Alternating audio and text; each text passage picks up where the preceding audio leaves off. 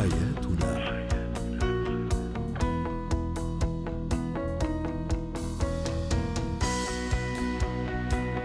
نجدد وتحية لكل مستمعينا ومستمعاتنا. أنتم تستمعون لإسكان العربية في أبو ظبي وبرنامج حياتنا.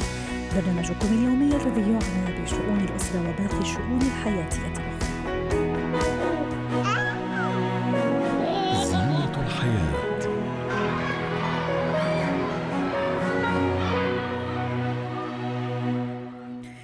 السمنة في سن المراهقة تعتبر من الأمراض الواسعة الانتشار وفقدان الوزن في هذه السن تحديدا ليس بالسهل لأنه مرتبط بأمور هرمونية أمور النمو وأيضا درجة مساعدتي أنا كأم أو أب لابني وأيضا آه، إرادة هذا الطفل أو الابن المراهق في فقدان الوزن. للحديث عن هذا الموضوع تنضم إلينا عبر الهاتف من أبو ظبي هبة شركس الخبيرة التربوية. يسعد مساك أستاذة هبة ابني المراهق يعاني من زيادة في الوزن من البدانة. كيف أساعده من الناحية التربوية؟ من الناحية التربوية مهم أعرف آه، هل آه، سبب السمنة نفسي ولا سبب السمنة اضطراب هرموني لو طبعا لازم نروح ونعمل الفحوصات ونعمل التحليلات كلها ولو آه، اتضح إن الموضوع ما فيهوش أي أسباب جسدية بنبدأ ندور على الأسباب النفسية، الأسباب النفسية آه، بعضها بيكون تفريغ للضغط العصبي عند الأطفال أو شعور داخلي بعدم الامتلاء، بعدم الإشباع فكأنه بيشبع احتياجاته النفسية بالطعام. يدور على بديل لإشباع الاحتياجات النفسية بدل ما يكون البديل نفسي من تشجيع وتقدير من الأهل يكون البديل بالطعام. فكل ما يتعرض لضغوط كل ما يحس بقلة التقدير يروح على طول يفتح الثلاجه وكمان بعض المراهقين لما بيشعر بالملل ويكون غير قادر على تسلية نفسه أو ملء أو أوقات فراغه بيروح ويتوجه إلى آه، الثلاجة ويفتحها ويبدأ ياكل منها أو بيمسك الهاتف الذكي بتاعه ويطلب دليفري فالأسباب النفسية للأكل هي اللي بتسبب آه، كتير جدا من حالات السمنة وبالتالي إحنا لازم نعرف السبب النفسي علشان نعرف نعالجه. جميل. طيب عرفنا كل هالأسباب وفعلا اتضح أنه عنده أسباب نفسية وبحاجة إلى مساعدة. وحضرتك تعرفي أنه يعني الشعور بالسمنة خاصة عند المراهقين يؤدي إلى انعدام الثقة وتدني يعني الشعور بثقتهم في نفسهم. إلى أي درجة؟ أول شيء لازم أتقبل هالموضوع أنا وبعدين أساعد أيضا الابن في في هذا في في موضوع تخفيف الوزن. هو رقم واحد إن أنا ما أقعدش أنتقد المراهق طول الوقت ومش طول الوقت أقعد أكلمه على السمنه وما أقعدش أحط له برامج ومقارنات أيضا مع إخوانه أو أو أصحابه. وما أحطلهوش برامج انقاص وقت آه، وزن قهرية آه، وأجبره عليها آه، لأن كل الأشياء دي لن تؤتي جدواها. لكن الجدوى بتيجي من إن إحنا نقول له إن it's okay إحنا وصلنا. للوزن ده ونبدأ نكلمه. هل انت راضي عن ده ولا حابب تتخلص منه؟ لازم أخلق عنده الدافعية الذاتية. ونقول له إن حتى يعني من هنا لغاية لما تتخلص من الكيلوات الزائدة إحنا قابلينك وإنت كمان لازم تقبل نفسك وتحب نفسك على أي حال. آه بعد كده بيبدأ هو يبقى متجاوب معانا. بنبدأ نشوف إيه الأسباب.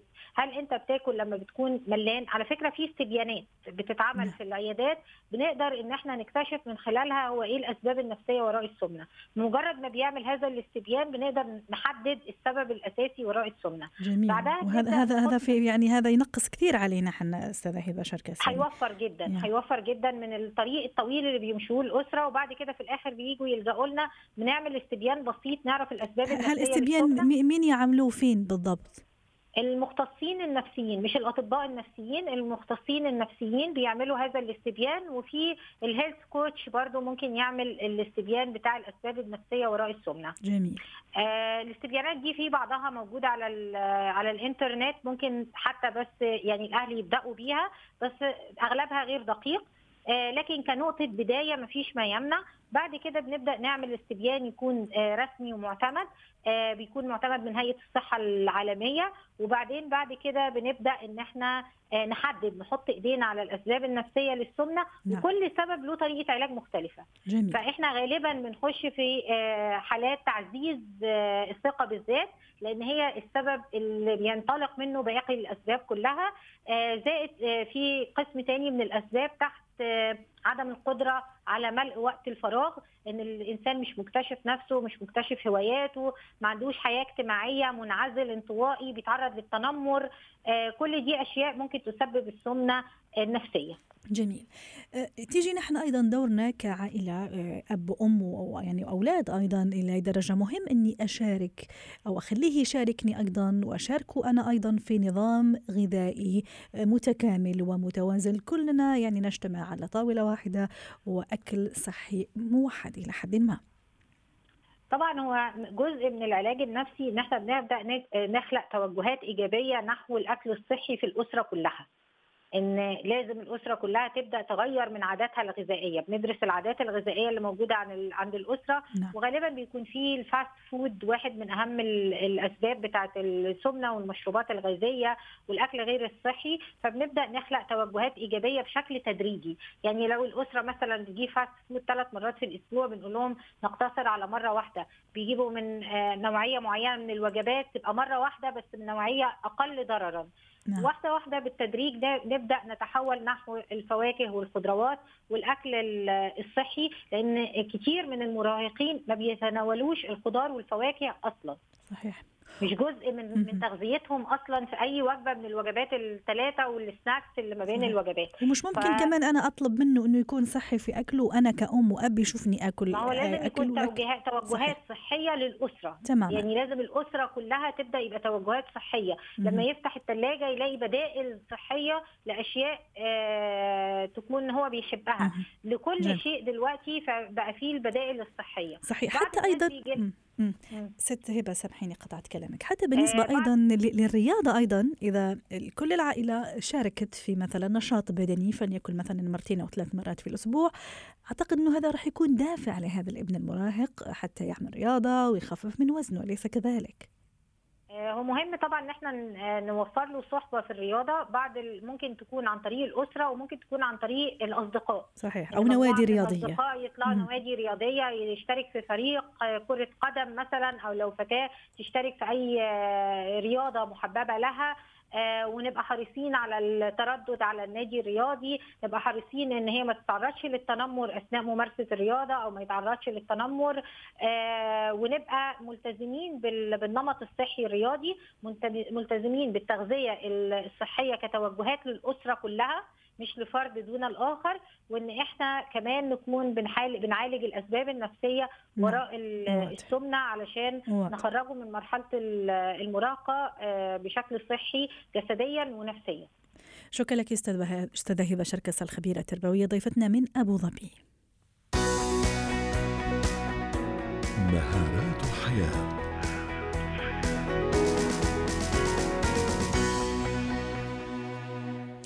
في فقرة مهارات الحياة اليوم نتعرف على مهارة قراءة الآخر أفكار الآخر من خلال لغات جسده. للحديث عن هذا الموضوع تنضم إلينا عبر الهاتف سهام شريف خبيرة التواصل الأسري مساء الخير أستاذة سهام. أه، حتى أتمكن من فهم أه، شخص ما أو ما يريد أن ما يريد أن يوصله إلي من معلومات أو أفكار أه، من خلال لغة الجسد. كيف ممكن أن أكتسب هذه المهارة؟ آه، مساء النور. آه، اولا الموضوع هذا واسع جدا وهي أول لغة ربما اكتشفها الطفل يعني أول ما انولد انه يقرأ آه، إيماءات والحركات التعبيرية للأم والأب والمحيط حوالين لأنه لا يفهم اللغة التي يتكلمونها. فإحنا كنا عندنا داتا يعني عندنا مخزون سابق عن لغة الجسد نقرأ من خلاله الآخرين. يمكن أشهر الحركات هي الانغلاق والانفتاح. يعني مثلا آه، عندما يتحدث الشخص معك آه، وهو منغلق يعني حاط رجل على رجل أو مشبك إيده فهو في الحقيقة يغلق قنوات التواصل معك هو يستمع فقط ولا يريد أن يبدي رأيه. هذه واحدة من الحركات المهمة. آه، الانفتاح عندما يكون شخص يعني جالس ويعني خاصة الرجال معروفين لما يجلسون مثلا على الكرسي يأخذون كل الحيز يعني يفتحون رجليهم أكثر وإيديهم منبسطة. فهنا هذه الحالة الشخص يتقبل منك الفكرة يتقبل منك الطلب يتقبل منك كثير من الأمور وهو مستعد للحوار والنقاش. جميل. آه أيضا من الحركات المهمة اللي هي آه اللي تدل على شخص الذي هو أمامك صادق أم هو يتهرب منك آه، هو الاتصال البصري. يعني أيوة. يعني كيف ينظر إليك؟ والعيون نافذة الروح كما يقال. هي عزيزتي وكذلك لغة العيون قليل اللي يفهمها ويقرأها. يعني لغة العيون تفضح صاحبها. يعني إذا كان ينظر لك الشخص بنظرات يعني إحنا ما نقول لدرجة أن يحملق فيك حتى يخيفك ولكن على الأقل ينظر في عينيك. هنا تصل ال ال الكلمات والأفكار بشكل سلس أكثر ويكون في تناغم وانسجام مع الشخص اللي أمامك حتى لو كان مختلف عنك آه، فكريا. أيضا في لغة الجسد مهم طيب ما دام عم نحكي على العيون أيضا نعم. أستاذة سهام خلينا نحكي مثلا في حال اتساع حدقه العين مثلا هذا على ماذا يدل؟ أو في حالة ما إذا مثلا حركة العين راحت شوي لليمين أو راحت لليسار أكيد في كل هذه عندها تفسيرات أليس كذلك؟ طبيعي أكيد. من أهم التفسيرات يعني واللي عادة تثير فضول السيدات إنه اتساع بؤبؤ العين هو في حالة الإعجاب الشديد بالشخص اللي أمامه. يعني هذا تلاقينا عند المعجبين وببعضهم البعض يعني مثلا المحبين والأزواج. أيضا النظرات مثل ما تفضلتي إذا كانت للأعلى إذا كانت لليمين واليسار تختلف. أحيانا نحن نريد أن نطارد فكرة ما يا إما نسحبها من الذاكرة وهنا آه، أنا سأستخدم آه، المخ آه، الأيسر لأن ذاكرتي في الشق الأيسر تعمل أكثر. فأنظر إلى اليمين لأنه الجسم يعمل عكس المخ. بينما مثلا إذا أنا أريد أن أتخيل شيء أريد أن الف كلام فأنا مضطر إني أنظر إلى الجهة اليسار لأنه هنا العقل الأيمن أو المخ الأيمن هو الذي يعمل. إذا أردت أن أخفي شيء الخيال. إذا أردت نعم. ان أخفي شيء ما هو هنا إذا كنت أريد أن أخفي شيئا آه، عادة الذي يحدث آه، ممكن بعض الأشخاص يتهربون من النظر نعم. ممكن ينظرون آه، إلى الجهة اليسار لأنه هو يختلق شيء غير حقيقي ربما يخفي جزء من الحقيقة لكن الحلو في الموضوع أنه إذا كنت تريد أن تقرأ شيء, شيء أو شخص أمامك. لا نعم. تعتمد على حركة واحدة. حرام إنك يعني تحكم على شخص تكون قاضي وجلاد لمجرد انه هو عمل حركة قد تكون اعتيادية بالنسبة له تريحه هذه الحركة. يعني بعض الناس تعتبر حك الأنف إنه هي نوع من الدلالة على الكذب يعني قصة أو أسطورة بينوكيو. لكن في الحقيقة آه، سلسلة من الحركات. نعم. لماذا الأنف تحديدا؟ إنه تدفق الدم في الشعيرات الدمويه خلال ما الإنسان يكون في حالة من التوتر ربما الإنسان لما يكذب هو في حالة غير آه، يعني الحالة الاعتيادية ويشعر بالقلق إنه تنكشف الكذبة أو ما يخفيه عنك الطرف اللي أمامك. فيضطر إنه يفرك أو يحك بعض المناطق في الوجه تحديدا. لكن يجب إنه مثلا هذه الحركة تكون أكثر من مرة أليس كذلك؟ نعم. نعم نعم. وسلسلة يعني مثلا إذا الشخص طوال الوقت هو يتهرب من النظر إليك وينخ... ثم ينظر إلى الأسفل ومثلا يحك رقبته ثم يحك أنفه يعني ويفرك مثلا يحرك الخاتم ويفرك أصابعه آه، ثم ينغلق. فهناك شيء ما خط ما وراء هذا الشخص. طبعا نعتمد أيضا على الحدس الشخصي أيوة، عزيزتي. أيوة. كل إنسان لديه هذا القدرة استشعار استشعار الآخر. نعم. نعم. آه، وكذلك الموقف يفرض نفسه. قد يكون الشخص لا يخفي شيء ما عنك ولكن الموقف هو اللي فيه الآن ربما هو آه، يريد إخبارك بشيء آخر.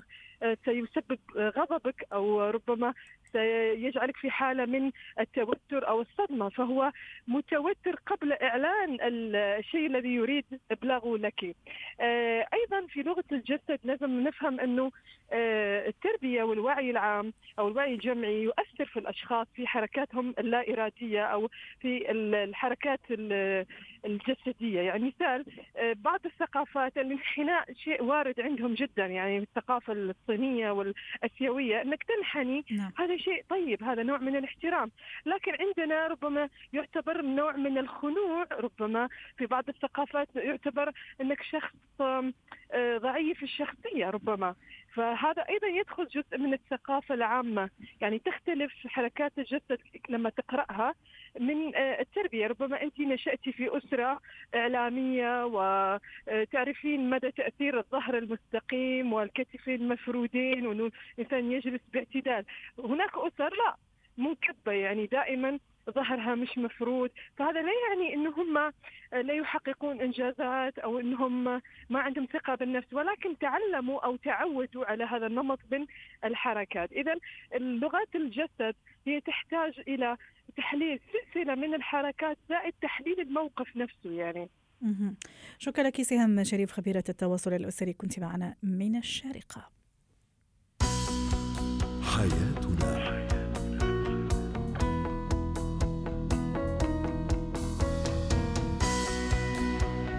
ختام برنامج حياتنا. شكرا لكم على طيب وكرم المتابعة. إلى اللقاء. حياتنا